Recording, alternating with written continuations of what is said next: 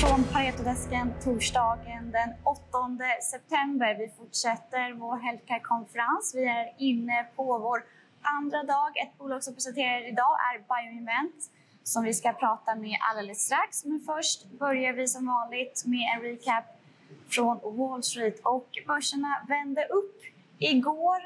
Fallande oljepriser och eh, marknadsräntor satte en liten paus på inflationsoron och S&P 500 stängde på plus 1,8 procent. Och eh, här i Europa ser det ut som att vi kommer följa uppgången idag på börserna och vi har fokus på ECB. Men på Pareto är det som sagt fortsatt fokus på hälsovård 16 och eh, vår Healthcare-konferens. Igår kunde man lyssna på bolag som Caliditas, Vico Pharma, BioArctic, Orexo, Babylon och idag kommer man få lyssna på bolag som eh, Surgical Science, vi har Midsona, vi har eh, Elekta och så har vi Bioinvent och Martin Welschoff. Welcome to uh, Sweden and welcome to Pareto Securities Healthcare Conference, Martin. Yeah, thank you very much. So very happy to be here. Looking And- forward to today?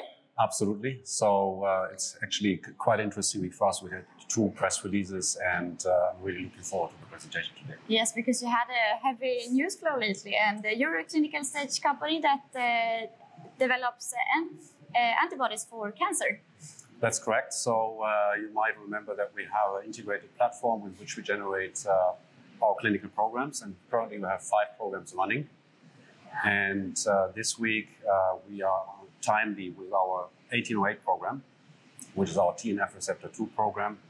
And there we finished dose escalation as, as, as planned, which will kick off the uh, combination with Keytruda, which I think is something very exciting. Uh, and also we will test one higher dose, but that is outside the planned dose escalation study that we have uh, finished now. So, so two good news. First, patients in China and uh, dose escalation. Exactly. So the Chinese, this is our 1206 program, uh, where we already have uh, generated actually quite some interesting efficacy data. And there we have our collaboration with Carson Pharmaceuticals.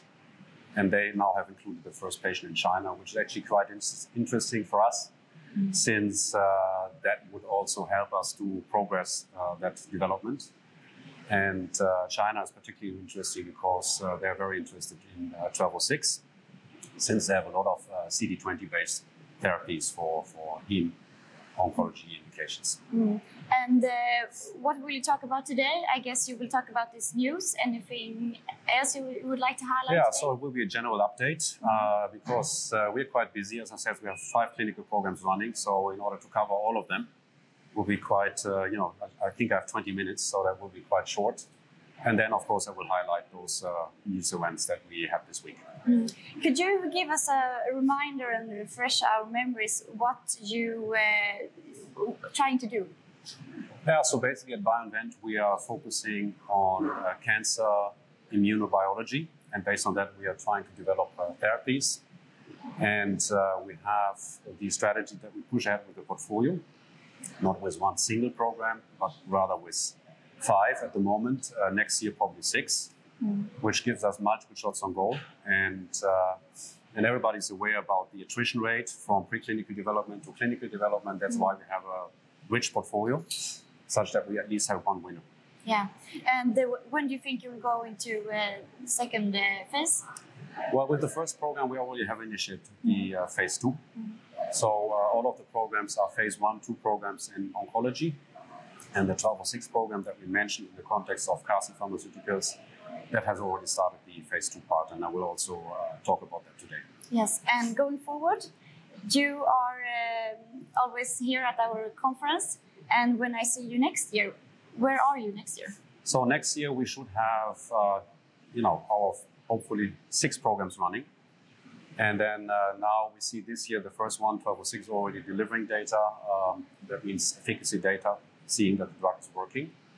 Uh, we'll have that soon for 1808 as well, especially in the combination. Uh, but we also see some first sign of efficacy also in single agent. And then, of course, 1607, BT001, those are our other programs, will also start to bring data so that hopefully we can present them during uh, event next year. Yes, and this year will be uh, continuous uh, of news, I guess.